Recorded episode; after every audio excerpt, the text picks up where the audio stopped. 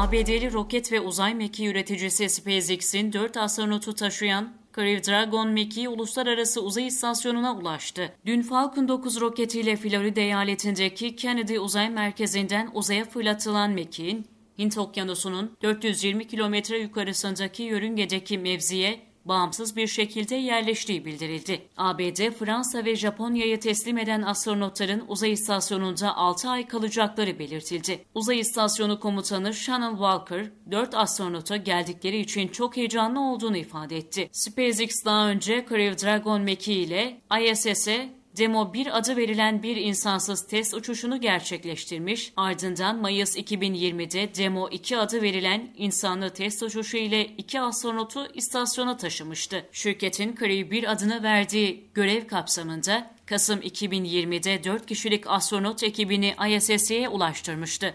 Crew 1 görevi NASA'nın Space Shuttle programını 2011'de sonlandırmasından sonra ABD'den uzaya yapılan ilk insanlı sefer olmuştu. NASA'nın personel mekiği üretmeyi durdurması nedeniyle ISS'e görevli astronot ve kozmonotlar bundan önce Rus yapımı Soyuz mekikleriyle taşınıyordu.